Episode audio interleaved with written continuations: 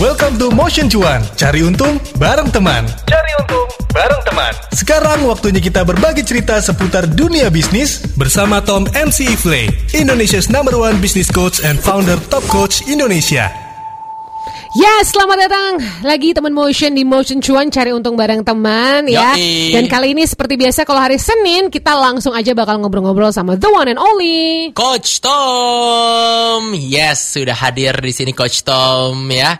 Coach tadi kita udah sempat ngebahas sedikit di cut sebelumnya ngebahas soal toxic leader. Kita bahas Toxic dari leader. dasar. Toxic leader. Nah ini Aha. mungkin banyak teman motion yang nggak paham apa ya. Gue taunya toxic relationship nih gitu Iya. kan. Toxic leader, leader gak kurang paham. Apa tuh coach? Oke, jadi ada cerita dulu ya. Boleh Yes. dong. Di apa namanya? Di Amerika ada satu eh, institusi bernama Career Builder. Jadi Career Builder ini berkomunikasi dengan orang-orang yang mau bekerja dan orang-orang yang resign dari pekerjaannya. Nah, tujuannya sebetulnya dia akan menempatkan orang di tempat yang yang tepat seperti outsourcing seperti itu. Nah, ternyata dari orang-orang yang resign uh, adalah manajer. Kemudian ditanya nih, dari 100 orang yang uh, resign as a manager, 58% tidak pernah menerima management training. Oke. Coba bayangin ya. Oke. Jadi mereka sudah bekerja sebagai manajer yang lima tahun, enam tahun, tujuh tahun, 10 tahun, tapi nggak pernah dapat training yang proper tentang bagaimana cara menjadi seorang manajer. Nah, lalu kemudian cari tahu nih, kalau karyawan-karyawan yang resign itu, kenapa sih alasannya? Iya. Banyak orang berpikir uh, 99% resign karena apa? Ayo, Karena Gaji, gaji, gaji. biasanya. Gaji, betul. Ada yang bilang, oh karena gaji. Ada yang bilang karena, uh, oh ya lingkungan kerjanya enggak atau uh, karirnya tidak mena- uh, tidak menarik, ya, Ya. tidak ada pengembangan. Tetapi ternyata 89% karyawan yang resign bukan karena uang, tapi karena bosnya. Nah, Wow. sampai ada satu prinsip, ada satu istilah, people don't leave the company, they leave their leaders. Yes. Mereka tidak meninggalkan perusahaan, tapi meninggalkan atasannya. Gitu. Jadi hanya 12% karyawan yang resign karena benar-benar menginginkan uh, apa namanya ingin menginginkan uh, income yang lebih banyak, Oke. ingin, ingin dapat income yang lebih baik. Berarti ternyata di dalam lingkungan kerja ada istilah toxic leader. Jadi kenapa leader itu sangat penting? Leader sangat penting karena leader menentukan masa depan bisnis. So, toxic leadership adalah sifat atau kelakuan atau perilaku seorang leader yang tidak bisa uh, membuat karyawan itu bersemangat dalam bekerja. Yang menjadi masalah adalah sifat-sifat ini destruktif. Ya. Kelihatannya bagus, tapi bisa jadi destruktif. Dan banyak leader yang merasa oke banget dengan sikap-sikap ini, gitu. Merasa tidak bersalah, merasa bahwa ini adalah cara terbaik, gitu. Gitu. Jadi uh, uh, leader-leader yang toksik-toksik ini masih berpikir bahwa karyawan itu harus diperlakukan seperti itu agar bisa lebih produktif. Oh, mantap sekali ya. Ini teman motion udah bertanya-tanya apa itu kira-kira traits dan sifat-sifat yang destruktif itu ya? Iya, tapi aku penasaran sedikit deh, Coach. Uh, Ini kan mungkin tadi penelitiannya kita based on research yang dilakuin di luar negeri gitu ya. Tapi kalau di Indonesia sendiri, pandangan Coach Tom sendiri untuk ngelihat para leader gimana? Apakah memang si toxic leader ini apa ya bisa dibilang ya sangat sering ditemui atau malah kayaknya itu terjadi di luar negeri deh sebenarnya. Nah, lebih baik eh, tahu dulu nih kira-kira toxic leader seperti apa. Contoh ya, contoh sederhana adalah yang namanya workplace bullying. Ya. Workplace bullying. Jadi membuli anak buah dengan eh, dengan berbagai macam cara. Misalnya contohnya eh, ada orang bekerja mereka eh, tidak capai target lalu kemudian disindir ya, di apa dikasih apa namanya? dikasih kritik tapi di depan umum, Iya. dipermalukan. Dipermalukan. Itu salah satu cara yang yang toksik. Jadi buat kita kadang-kadang kan nggak sengaja nih bercanda. Wah lu nggak, wah hari ini lu uh, hebat ya tembus target padahal nggak tembus target. Hmm, nyindir nyindir gitu ya. Nyindir. Itu oke. Tapi sampai membuli, membuli itu berarti sampai marah, kemudian uh, mengeluarkan kata-kata yang kasar, mengeluarkan kata-kata yang uh, tidak cocok, misalnya dasar goblok kamu, dasar bego, misalnya, Iya, iya. wah lu otak lu di mana sih? Ya itu itu itu workplace bullying. Ini ada sa- salah satu hal yang mungkin buat seorang leader itu mendidik, padahal tidak mendidik, begitu. Oke, wow. Berbahaya itu ya. Berarti dari definisi yang tadi Coach Tem udah kasih, tanda-tandanya nih apa seorang toxic leader sebut berapa ya? Lima kali gitu ya? Lima kali coach Ya, boleh, boleh, boleh. Ah, Jadi pertama adalah tidak bisa jujur. Ini yang paling paling gampang lah. Jadi ada orang-orang yang tidak bisa jujur. Jadi menyampaikan informasi ada dua ya, setengah-setengah atau dia akan eh, berbohong sama sekali. Nah, ketidakjujuran eh, memang kan karyawan kan nggak bisa ngomong. Misalnya contohnya gini, oke ya kita kita eh, bulan depan kita bakal jalan-jalan ke Bali kalau target nyampe. Ya. Ternyata target nyampe. Habis itu ditanya, bos mana katanya kita mau ke Bali? Kapan saya ngomong nggak pernah. Waktu itu kan gue bercanda. Kesel banget ya. Kayak di prank ya? Kayak di prank jatuhnya. ada? Pernah nggak pernah dengar nggak orang-orang seperti itu? Iya, Pernah dengar, pernah dengar coach. Pernah kan? Iya. Jadi bukan hanya hal-hal itu. Jadi banyak sekali. Bisa jadi, misalnya contohnya ke customer, dia Iya. tidak bisa bilang konsisten. Misalnya contohnya, dia bilang gini, oke nggak apa-apa, kasih diskon aja ke customer. Berapa? 5%. Kasih aja. Oke? Tiba-tiba accounting ngamuk-ngamuk. Siapa yang kasih diskon? Kenapa dikasih diskon? Ya, anak buah bilang, tuh atasan bilang, kapan saya bilang saya nggak pernah ngomong? Saya bilang sama kamu, kalau kamu mau kasih diskon, kamu harus hati-hati. Wah, Waduh. malah jadi adu domba ya coach ya. Bisa terjadi itu, ter- iya. bisa terjadi itu. Iya, iya, iya, iya. Ini contoh yang sederhana. Jadi tolong perhatikan baik-baik, karena ini eh, bisa menjadi sebuah penyakit yang dia nggak sadari terjadi dilakukan terus, gitu. Ya. Kamu dari mana tadi? Oh tadi eh, saya berangkat dari eh, customer, padahal dia nggak ke customer malah ke pacarnya gitu. Wow. Itu bisa terjadi. Wah. Yang kedua adalah tidak mau mendengar kritik. Jadi orang ini tidak suka mendengar kritik. Hmm. Kalau ada yang mengkritik, dia akan nyerang balik Defensif gitu ya Coach ya? banget defensif. Jadi orang ini takut dikritik, tidak mau mendengarkan kritik karena merasa bahwa kalau dia dikritik atau cara kerjanya dikritik, dia dijatuhkan. Iya. Oh, Dan ini berbahaya untuk seorang leader. Karena kalau seorang leader itu perlu mendapatkan feedback. Feedback dari customer, feedback dari tim, feedback dari atasannya lagi, feedback dari eh, teman kerja untuk melakukan perbaikan-perbaikan. ya. Bahkan ada kalau di Toyota itu ada istilah continuous improvement Hmm. Kita mencari masalah malah. Kita mencari problem. Jadi leader itu ngumpulin feedback form ke karyawannya. Kamu kritik deh sebanyak-banyaknya. Kita cari tahu akar masalahnya apa. Oke. ada banyak leader yang kalau dikritik kayaknya nyerang pribadi. Dia nyerang pribadi balik. Kalau sudah nyerang pribadi bisa jadi orang itu nanti akan dikasih tekanan di pekerjaan. Bisa jadi eh, tidak diberi kesempatan karirnya mandek dan seterusnya Iya iya benar benar benar. Wow itu nomor dua tuh ya. Baru nomor dua nih tadi kan yang pertama nggak mau jujur, Nggak yang kedua nggak mau dikritik. Nggak mau dikritik, nggak bisa terima kritik. Yang ketiga apa Coach? ketiga sombong Hmm. jadi eh, pride ya jadi kalau kalau kalau nggak mau dikritik bisa jadi dia salah atau memang eh, tidak salah tapi kalau yang ini arogan Arogan. pemimpin yang arogan arogan itu kayak gimana ya mereka eh, satu mereka percaya bahwa mereka itu yang paling benar semua orang salah. Mereka eh, mengharapkan semua orang menghormati orang ini. Iya. jadi kalau datang harus siapa? Kalau perlu cium tangan gitu. Atau eh, meng, apa namanya mengagung-agungkan. Dan dia nggak mau dia itu di di apa namanya di bukan hanya dikritik ya tetapi dia dia harus berada di tempat yang terbaik kalau ada misalnya contoh sederhana ini ini cerita yang cukup menarik. Jadi dulu saya pernah mengcoach sebuah pabrik ya. Hmm. Ada ex bosnya ini atasannya ini pernah bekerja di perusahaan BUMN cukup Oke. besar.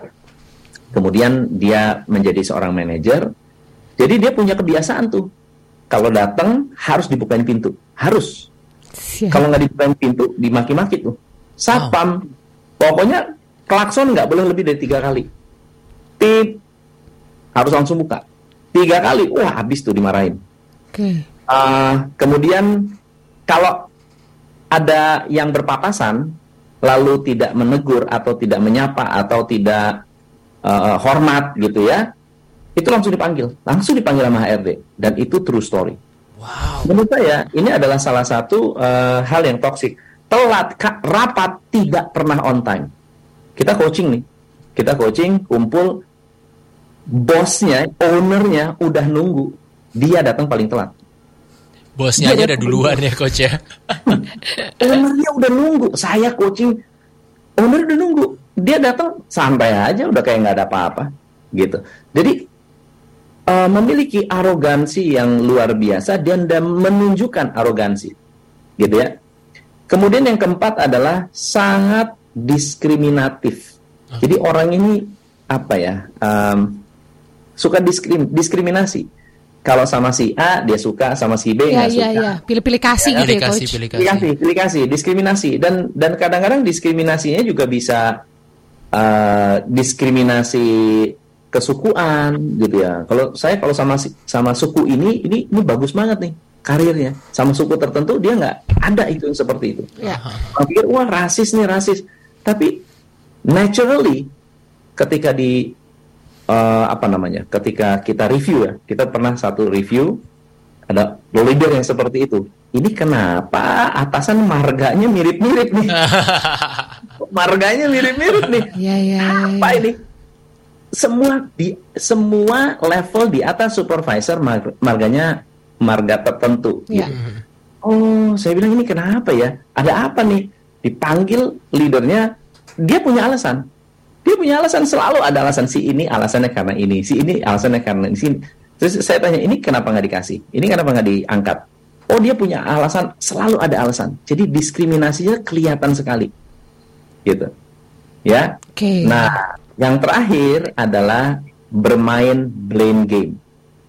Dia selalu bermain uh, uh, permainan menyalahkan orang. Oke. Jadi kalau kalau misalnya ada masalah gitu ya, dia nggak pernah bisa disalahkan, udah nggak bisa dikritik, sombong gitu kan, dia akan menyalahkan orang lain. Dia akan menyalahkan si A, si B, eh, menyalahkan perusahaan, menyalahkan pemerintah, menyalahkan dolar, menyalahkan Biden, menyalahkan Ukraina, Rusia, Jauh ya. menyalahkan Jokowi, ya. Eh, nanti semua pokoknya disalahkan. Jalanan macet disalahin, Anies disalahin, semua disalahin. Pokoknya nggak pernah salah ya dia. Itu kalau anak-anak zaman sekarang bilangnya gaslighting tuh. Gaslighting ya. Gaslighting. ya.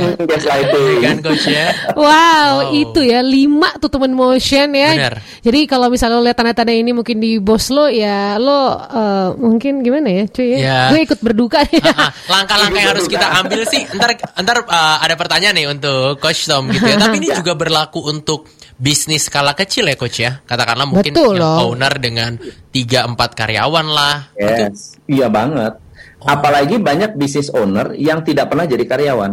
Nah, bener banget tuh coach. Oh iya benar sih. Ya, Bener business owner nih, dia nggak pernah jadi karyawan, lalu kemudian uh, tiba-tiba jadi bos, tiba-tiba punya perusahaan, rekrut karyawan, dia nggak tahu yang namanya kompensasi yang layak tuh berapa dia nggak tahu. yang dia tahu adalah masa uang segitu nggak cukup, gitu. Iya, bener. Benar, Ya, benar, masa uang segini nggak cukup? Masa gua gua gaji udah gede loh. Gede, gede itu berapa? gitu. Ya ya ya ya, nggak ada Bener, exactnya bener. ya. Itu baru soal duit, belum soal kadang-kadang ada bos yang tidak memanusiakan manusia. Nah, Ya kan? ternyata yoi. belum beres, cuy. Ternyata masih ada lagi. Masih ada lagi oh gejala-gejalanya nih. Gejalanya apa lagi nih, coach nih? Gejala yang sering saya temukan adalah orangnya manipulatif.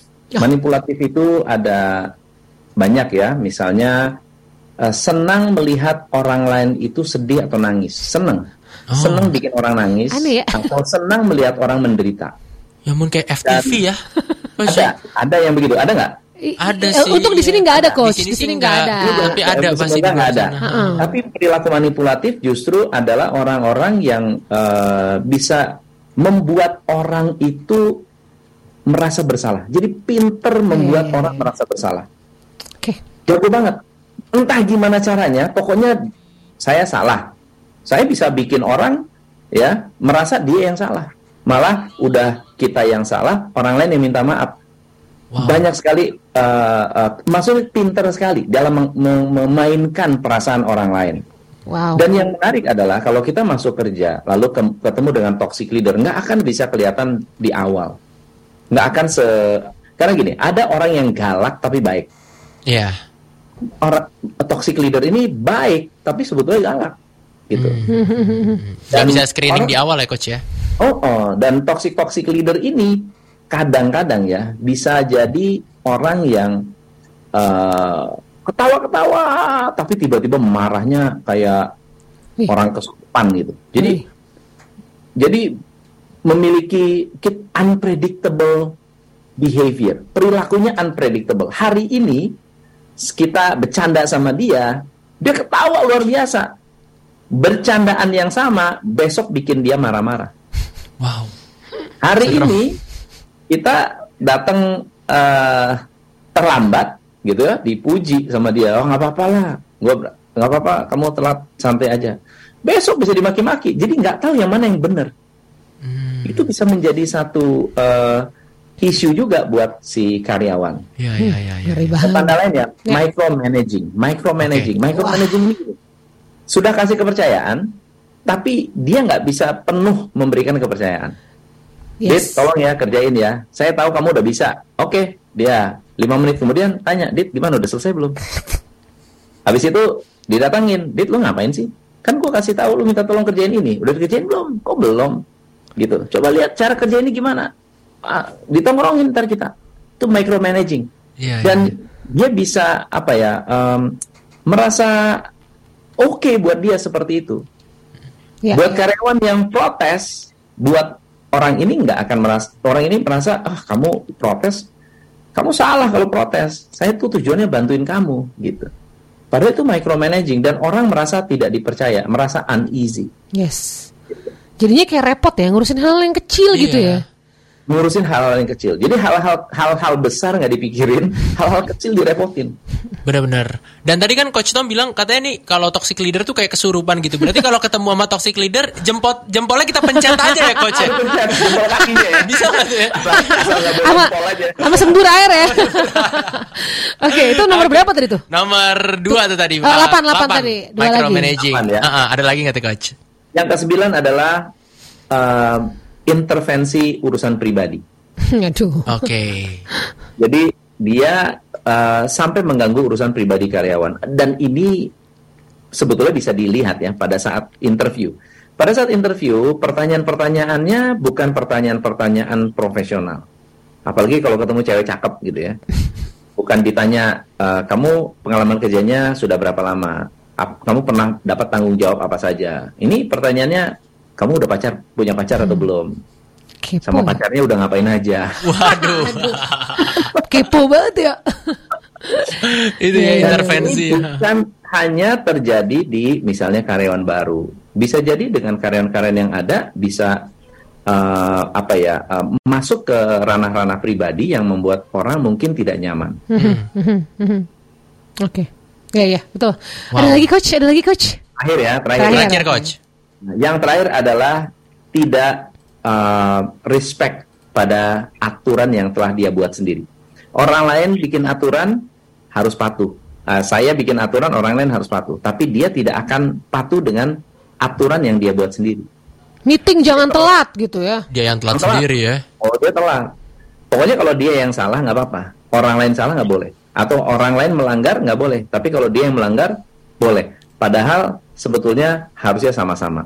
Ya tidak ada yang eh, tidak ada yang bebas dari hukuman. Atau misalnya orang lain korupsi nggak boleh. Kalau dia korupsi boleh. Dan itu sudah dan cukup banyak terjadi di luar sana.